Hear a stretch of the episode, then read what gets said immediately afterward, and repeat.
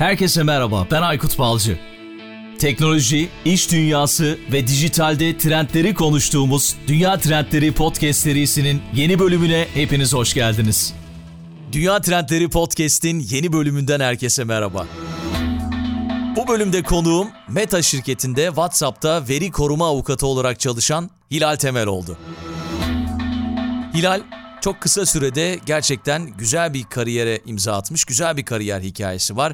Bilgi Üniversitesi'nde hukuk okuduktan sonra yaklaşık 3-4 sene İstanbul'da Esin Ortaklık adında bir büroda çalışıyor ve sonrasında Amerika Birleşik Devletleri'ne gidiyor.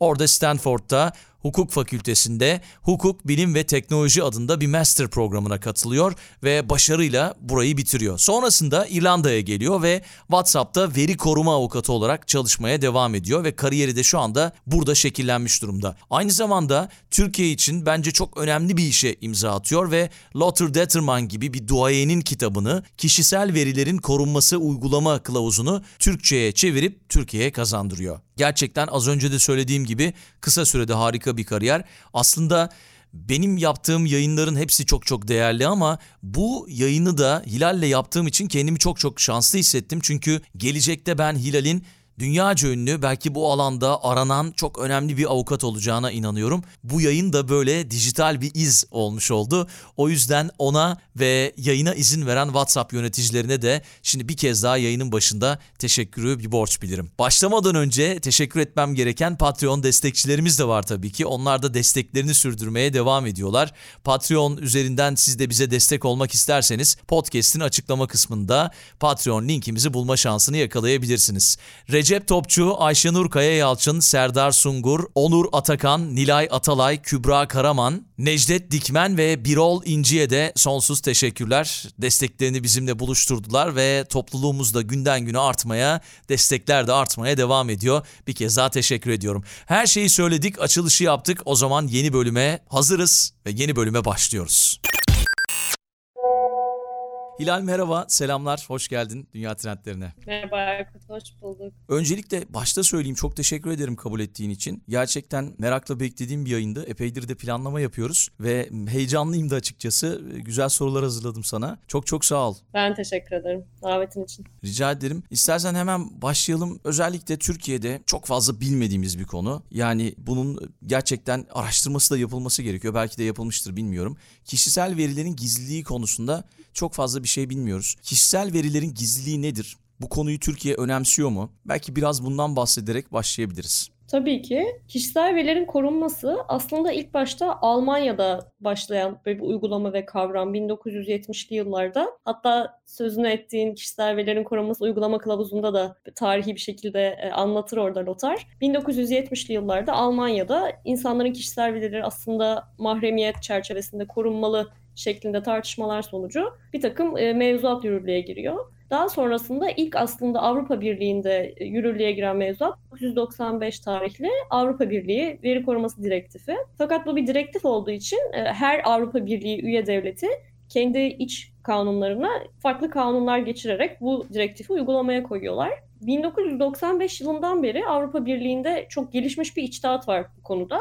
Ve daha sonra teknolojinin de çok hızlı bir şekilde gelişmesiyle aslında 2016 yılında yeni bir bu sefer işte bir regülasyon denilen Avrupa Birliği'ndeki bütün üye devletlere iç hukuka aktarmasına gerek olmaksızın uygulanır olacak bir genel veri koruma regülasyonu yürürlüğe konulması konuşuluyor.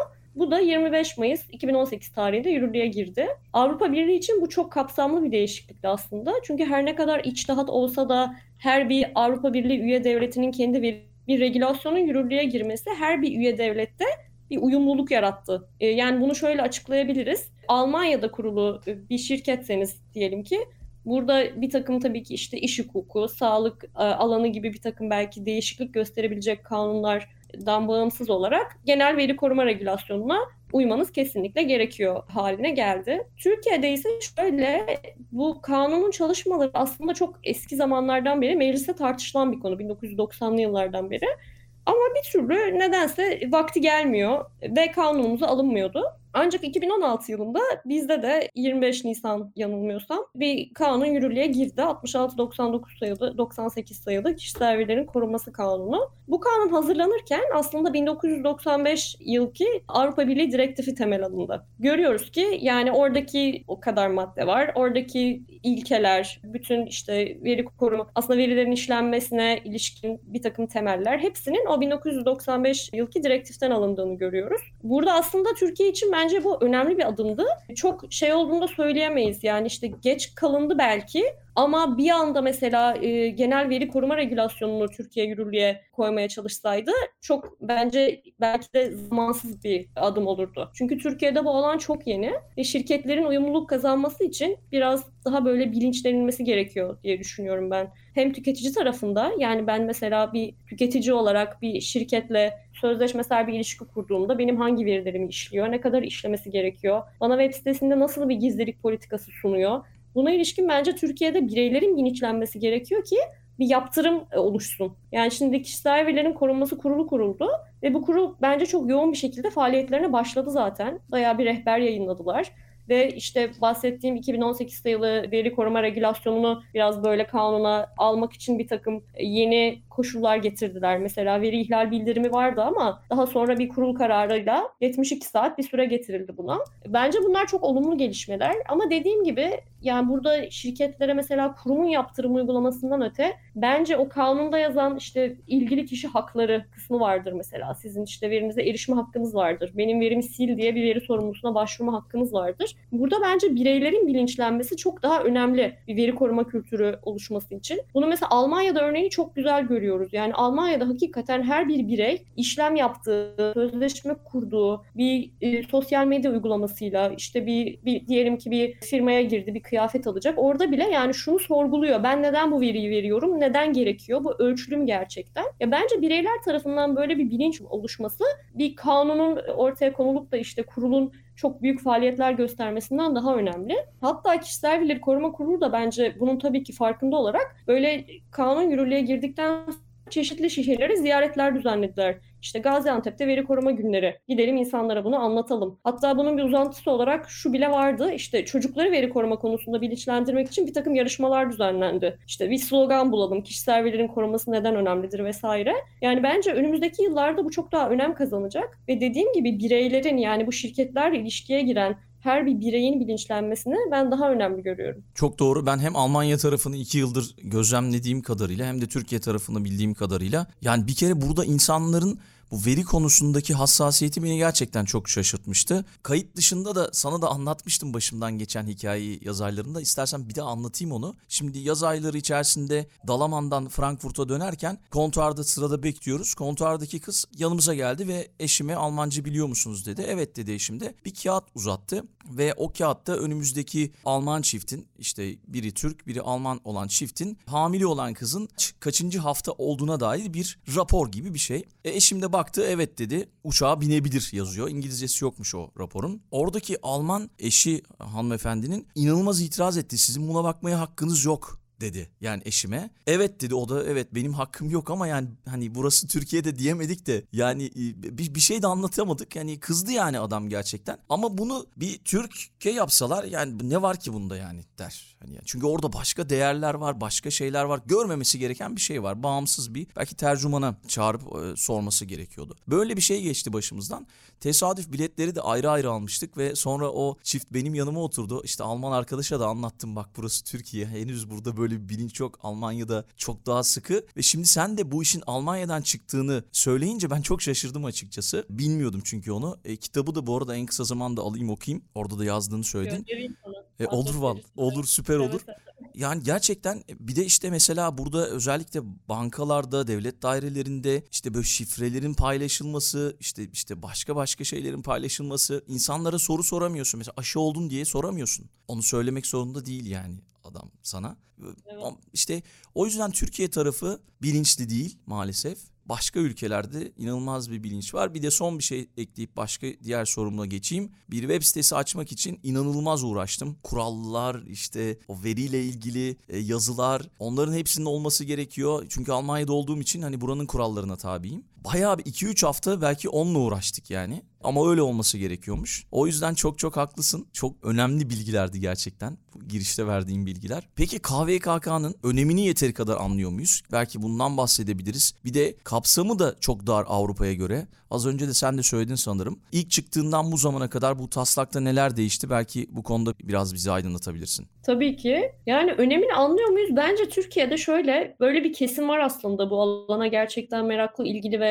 bu alanla yoğun bir şekilde ilgilenen işte bir takım böyle butik hukuk büroları var kişisel verilerin korunmasına gerçekten odaklı.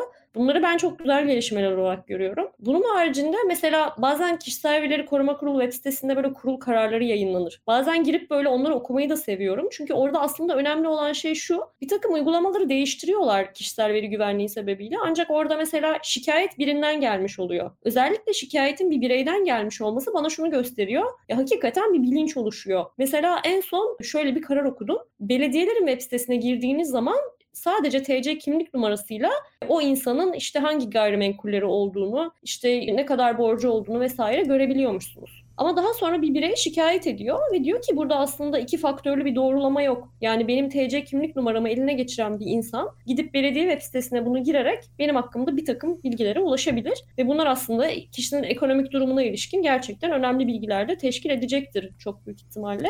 Bir ara biliyorsun devlet böyle bir ödenek yapmıştı insanlara ve bu kimlerin ne kadar para alacağını ne ödeneğiydi konut fonu muydu hatırlamıyorum ne, ne kadar ödeme alacağını da internet üzerinden paylaşmıştı. Orada insanların SSK numarasını görebiliyordun ve kimlik numarasını görebiliyordun. Karşılığında da işte kaç lira geri para alacağını görebiliyordun. Sonra SSK'nın sitesine girip o SSK numarasıyla o kişinin son aldığı brüt maaşa ulaşabiliyordun. İnanabiliyor musun? Sadece SSK numarasını girip insanların maaşlarını öğrenmişti bir ara insanlar. İnanılmaz gerçekten.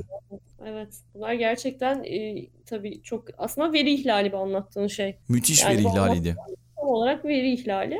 Bu bahsettiğim kararda da aslında belediyelere şöyle bir karar yayınlanıyor, bir talimat veriliyor ve deniyor ki e, TC kimlik numarası yanı sıra insanların örneğin telefonlarına gönderilen bir mesajla bir doğrulama kodu yazmaları gerekiyor ki bu bilgilere ulaşabilsinler. Yani senin dediğin de aslında hem ödenek veriliyor olması hem o insanların bir takım başka bilgilerine o numarayla ulaşılabiliyor olması e, gerçekten bu ürkütücü bir şey. Ama dediğim gibi yani şurada en azından şu önemli. Yani bir birey böyle bir şeyin farkına vardığında gidip kişisel verilerin koruma kurumu sitesinde bir şikayette bulunup bunun gerçekten gündeme alınmasını sağlayabiliyor. Yani en azından Türkiye'de bireylerin şu anda bu konuya ilişkin bilinçleri yavaş yavaş oluşurken aynı zamanda ben güçlendirildiklerini de düşünüyorum. Hem yapılan eğitimlerle olsun hem böyle hakları konusunda yavaş yavaş bilinçlenmeleriyle olsun. Şunun ayrımına varıyorlar ki benim böyle bir hakkım var ve burada yapılan uygulama yanlış bir uygulama Buna ilişkin ben bir şikayette bulunup bunun durdurulmasını sağlayabilirim. Ben bunu gerçekten e, doğru ve güzel bir gelişme olarak görüyorum.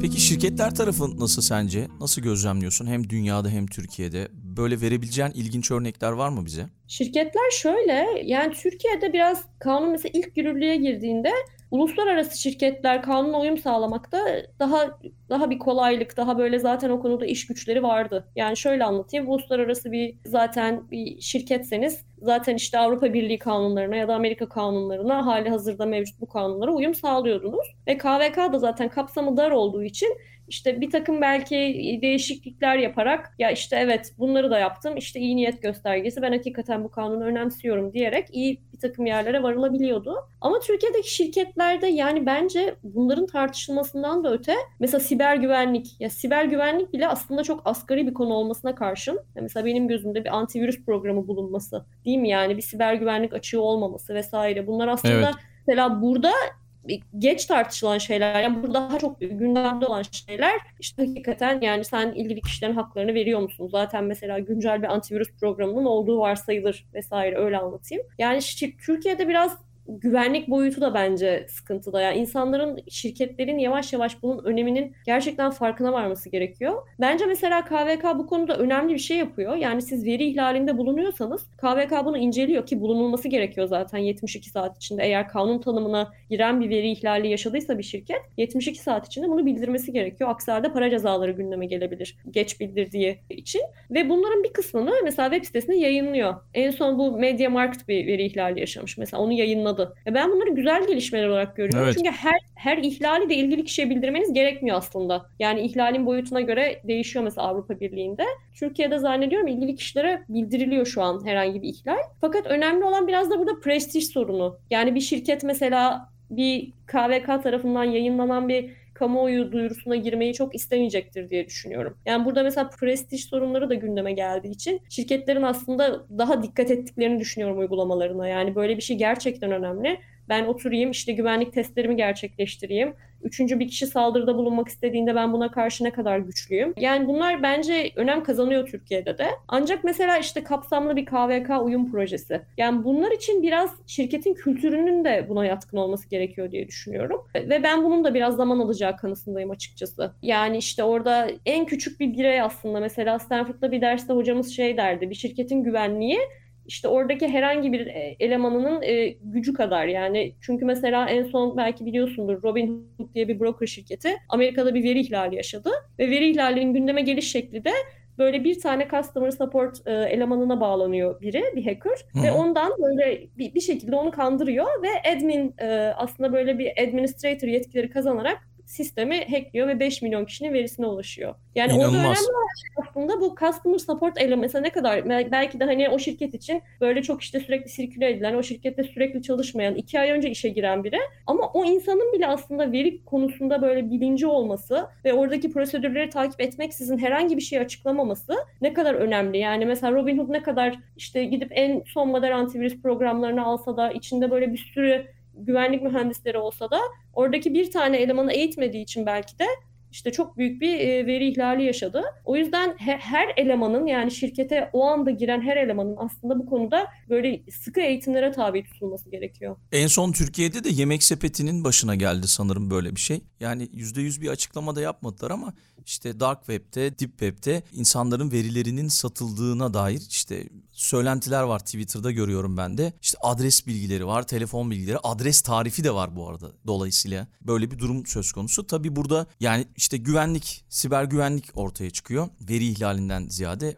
ona girebilir bu. Böyle bir durum en son oldu Türkiye'de. Gerçekten şeyi soracaktım yani Türkiye'deki insanların bir de Avrupa'daki insanların veri ihlali olduğunda neler yapması gerektiğini soracaktım. Onu çok güzel özetledin ama Avrupa ile Türkiye'yi karşılaştırsak büyük farklılıklar var mı acaba? Yani şöyle evet var. Zaten burada e, mesela veri ihlalinin çok belirli bir tanımı var. Ve bu içtihatlarla ve kurul kararlarıyla çok yerleşmiş bir tanım. Bunun üzerine işte rehberler var. Onlara bakabiliyorsunuz. Yani bir veri ihlali olup olmadığını şirket içinde önce karar vermeniz gerekiyor. Ve bir risk değerlendirmesi yapıyorsunuz. Yani ben bunu kurula bildirmeli miyim? Daha sonra ayrı bir risk değerlendirmesi yapıyorsunuz. Ben bunu ilgili kişilere bildirmeli miyim? Ve bunlar gerçekten çok böyle prosedürel olarak oturmuş şeyler. Çünkü 72 saat içinde aslında bildirim yapmak 72 saat deyince belki çok kısa duyulmuyor ama hakikaten çok zor bir şey. Çünkü bildirim formları var mesela Avrupa'da matbu formlar. Oradaki bilgileri edinmeniz gerekiyor. Yani özellikle büyük şirketlerde işte mühendislerle görüşmeniz gerekebilir. O güvenlik açığının meydana geldiği mesela ekiple görüşmeniz gerekebilir. O formları en doğru şekilde doldurmaya çalışıyorsunuz. Orada mesela etkilenen kişi sayısını da girmeniz beklenir. Tabii buna ek bildirimler de yapabilirsiniz. 72 saat içinde temel bir bildirim, daha sonra ek bildirimler. Yani burada bunlar çok sıkı uygulanıyor ve dediğim gibi aslında veri ihlalinin tanımı da çok yerleşmiş. Hem içtihatlarla hem kurul kararlarıyla. Şimdi Türkiye'deki kanuna bakıyorsunuz mesela kişisel verilerin kanuni olmayan yollarla üçüncü kişiler tarafından elde edilmesi halinde gibi böyle bir çok çok kısa yani bir cümle bile çok kısa böyle bir ifade kullanılarak veri ihlalinin bu olduğu e, yazılıyor. Ve siz sırf böyle işte 12. maddenin 5. fıkrasıdır. Oradan yola çıkarak acaba veri ihlali bildiriminde bulunmalı mıyım, bulunmamalı mıyım? Ve bunlar her zaman yani ortada bir içtihat olmadığı için işte yeteri kadar e, belki henüz veri ihlali bildirimi yapılmadığı için tabii ki çok böyle ben arada kalındığını da gördüm orada bu alanda danışmanlık verirken. Ve işte bildirim formları da Avrupa'daki kadar mesela detaylı olması gerekmiyor genelde. Mesela örnek verdiğin yemek sepetinde ben aslında şu konuda kendimi gerçekten güvende hissetmiştim. Benim de tabii ki hesabım vardı ve çok detaylı bir mail attılar. Yani mesela diyorsun ya bireyler olarak ne yapmalıyız? Ben mesela orada şu konuda hakikaten hemen bilgi edinmeliyim. Kredi kartı Evet. bilgilerime erişim. Değil mi? Yani ben o bildirimi okuduğumda mesela bu bilgiye hemen ulaşabiliyor olmak beni yine de güvende hissettirdi ve işte hemen şifrenizi değiştirin vesaire gibi bir takım önlemler sunulabilir şirketler tarafından. Ben yemek sepetinin orada çok yani hızlı bir şekilde aslında aksiyon alabildiğini düşünüyorum. Demek ki bu konuda prosedürleri de yerindeymiş. Yani bu onu da gösteriyor. Çünkü hakikaten bu kadar kısa zamanda işte bir kamuoyu duyurusu yayınlayabilmek, işte bir veri ihlali bildirimi yapabilmek özellikle yemek sepeti gibi büyük bir şirket için bence kolay olmasa gerek. O yüzden ben burada hakikaten demek ki şeyi görüyorum. Yani önem veriliyormuş şirket içinde. Öyle bir kültür varmış. Buradan e, bu sonuca da varabiliyorum. Evet benzer bir şey Akbank için de olmuştu galiba ama orada da mesela eleştirilmişti biraz hani ne oldu insanlar panikledi bir bilgilendirme yok yani. Orada bir geç kalınma oldu. Mesela ben yemek sepetini şimdi Almanya'ya gelince kullanmadığım için e, o maili görmedim belki de. Bir şekilde spam'e düştü ya da dikkat etmedim ama mesela Akbank tarafında öyle bir şey olmamıştı yanılmıyorsam. Evet onu hatırlıyorum. Bayağı haftalarca insanlar verilerimize ne oldu, neden bir açıklama yok vesaire. En kötüsü de bu bence aslında. Yani orada dense ki bu bu oldu, şu şekilde önlemler almanız gerekiyor. Şirketin hem prestiji açısından hem de yani kişiler kişilerin verilerinin güvenliği açısından çok daha iyi. Ya burada aslında mesela Avrupa'da diyorsun ya ne farklı diye. Ya Avrupa'da bir şirketin bunu çok iyi yönetmesi çok önemli. Çünkü para cezaları buna göre belirleniyor. Yani mesela Twitter bu veri ihlali yaşadı. Ocak 2019 yılında bunu bildirdiler ve bu sene İrlanda'da 500 bin euro para cezası kesildi. Yani bunun sebebi de şu işte geç bildirim yaptınız yeteri kadar iyi şekilde dokümente etmediniz. Ve aslında gündeme gelen veri ihlali de şu iki sene boyunca Twitter'da eğer bir Android kullanıcısıysanız eğer e-mail adresinizi değiştirmek istiyorsanız hesabınızdaki bir anda bütün tweetleriniz e, kamuya açık hale geliyor. Siz gizlilik ayarlarınızda gizli bir hesap bulundurmayı seçtiyseniz dahi. Yani öyle bir Ha. orada bug varmış ki mail adresimi değiştirmek istediğim zaman tweetlerim kamuya açık hale geliyor ve kullanıcılar bunun farkında değil. Yanılmıyorsam işte Avrupa Birliği'nde 90 bin kişinin etkilendiğine ilişkin bir ihlal bildirimi yayınlıyorlar. Burada mesela İrlanda Veri Koruma Otoritesi şunlara bakıyor. Sen bunu bir kere vaktinde bildirmedin. 72 saat süre geçilmiş. Yeteri kadar iyi dokümente edilmedi. Ve neden 2018 yılında olan bir şeyi sen bir sene sonra fark ettin? Demek ki yeterince işte güvenlik önlemlerin yerinde değilmiş. Ve bu sebeplerle aslında mesela 90 bin kişi etkileniyor ama 500 bin euro para cezası kesiliyor. Yani şimdi baktığınız zaman tabii ki Twitter çok büyük bir şirket ve global cirosuna oranla bu cezalar belirleniyor. E, fakat yine de yani böyle büyük para cezalarıyla caydırıcı cezalar ve işte sürekli manşetlere çıkmak. Yani mesela bence Türkiye'de bu çok önemli. Şimdi veri ihlali oldu. Bir gazete bunu mesela şöyle yayınlasa yemek sepetinde ihlal, Akbank'ta ihlal. Ya düşünebiliyor musunuz? Küçük şirketler de bunu görüp ya bu çok önemli bir şeymiş. Ben de içeride proseslerimi geliştireyim ki böyle bir şey yaşamayayım. Böyle bir prestij kaybına uğramayayım diye düşünmeli. O yüzden zaten şimdi ben zaman zaman iş ilanlarına bakıyorum böyle. Yani en çok hangi işler e, şu anda revaçta diye. Veri analisti, veri bilimci. işte bu tarz işlerle ilgili e, istihdam aranıyor yani çok fazla. Özellikle Avrupa'da da öyle.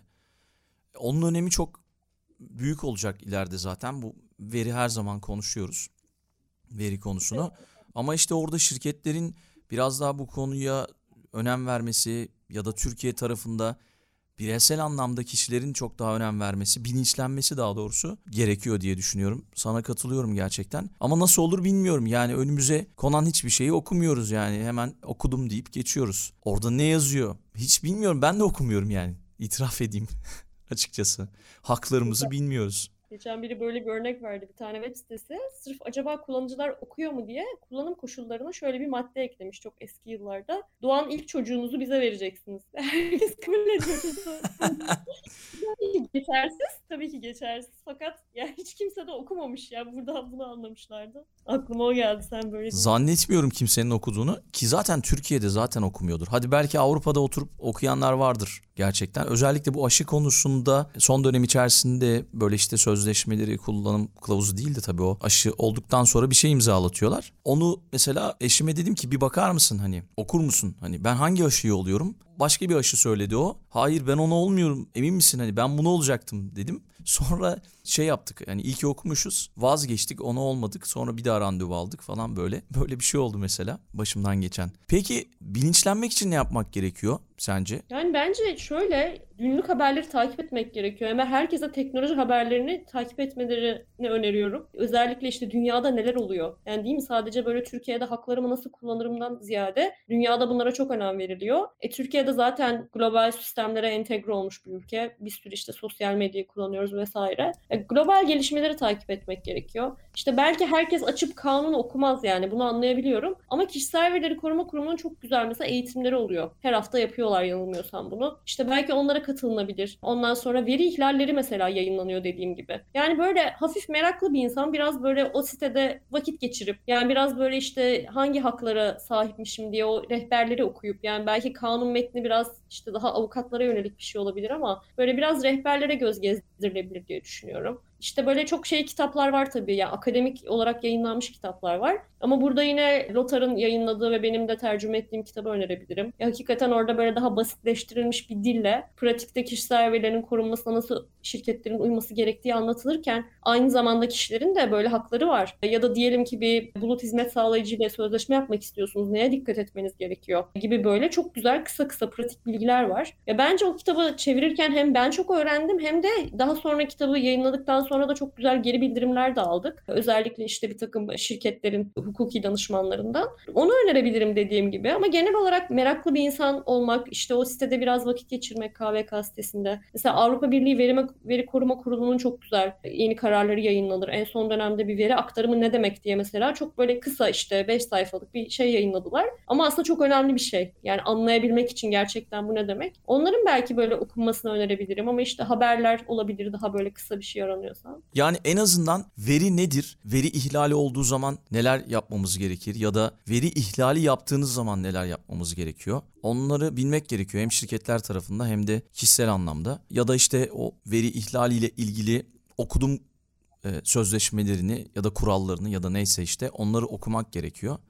E, O anlamda verdiğin kaynaklar çok değerli gerçekten. Peki kitap demişken kitaba gelelim. Kitabın hikayesinden de bahset istersen. Çok değerli bir kaynak. Özellikle birkaç tane podcast'te yayınlara da baktığımda onlar da böyle işte hani hukuki anlamda Türkiye'ye kazandırdığın değerli bir eser olarak görüyorlar. Ben tabii hukukçu değilim ama hani bağımsız olarak üçüncü kişilerin ağzından da duydum bunu. Biraz istersen kitabın hikayesinden bahsedelim. Normal şartlarda biz her hafta konuklarımızdan kitap önerisi alıyoruz. Bu hafta senin kitabını önereceğiz tabii ki ama kitabın hikayesini de dinlemek isterim. Çok sevinirim tabii ki. Şöyle ben az önce anlattığım gibi Esin Avukatlık Ortaklığı'nda bir 3,5-4 yıl çalıştım. Daha sonra oradan Stanford'a gidecekken Baker McKenzie ortaklığı aslında Esin Avukatlık Ortaklığı. Baker McKenzie de global bir hukuk bürosu. Orada Palo Alto'da çalışan Lothar Determan isimli bir ortak avukatın yayınladığı bir kitaptı bu. Ve bana şöyle bir öneride bulundu. İşte ben bunu senelerdir Türkiye'de yayınlatmak istiyorum. Sen bununla ilgilenir misin? Ben de tabii ki çok heyecanlandım. Çünkü o kitabı ben işte o kitaptan aslında öğrendim. Söylediğim gibi veri koruma konusunda nasıl danışmanlık verilir şirketlere. Yani bu konuyu gerçekten o kitapla çok böyle iç dışlı olarak müvekkillere danışmanlık verirdim. Bu beni çok heyecanlandırdı.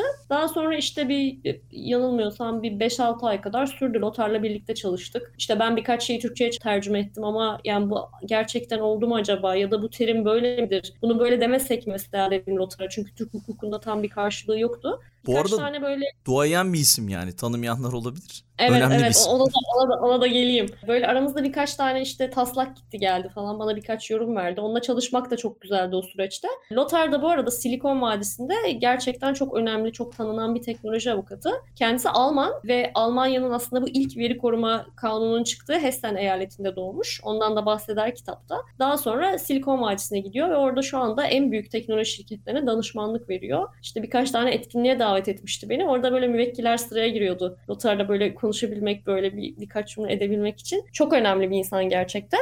Ve böyle şu konuda aslında çok güzel bir şey bu. Türkiye'de henüz bu alanda böyle ne bileyim 20 sene deneyimi olan bir insan yok. Çünkü Türkiye'de bu alan çok yeni. Lothar gibi böyle bu alanda işte 20 senedir çalışmış bir insandan pratik bir takım bilgiler alabiliyorsunuz bu kitabı okuduğunuzda. Bence bu çok önemli. Bence de çok çok önemli. Çok da teşekkür ediyoruz sana böyle bir eseri çevirip kazandırdığın için. Kitabın yazarına da teşekkür ediyoruz tabii. Çok çok sağ ol. Belki son sözleri alırız. Ondan sonra da veda ederiz, kapatırız. Bir anda geçti yayın. Nasıl geçtiğini anlamadım gerçekten. Çok teşekkür ediyorum. Ben teşekkür ederim davetin için. Çok sağ ol. Herkese verilerinin bilincinde olarak hareket ettikleri günler diliyorum burada. Dünya Trendleri Podcast serisinin bu bölümünün sonuna geldik. www.dünyatrendleri.com Twitter'da @dünyatrendleri, Instagram'da dünya.trendleri adreslerinden Dünya Trendleri Podcast'i takip edebilirsiniz. Unutmayın önerileriniz ve merak ettikleriniz içinse info gmail.com adresinden mail atabilirsiniz. Bu bölümü dinlediğiniz için çok teşekkürler. Yeni bölümde tekrar buluşmak üzere.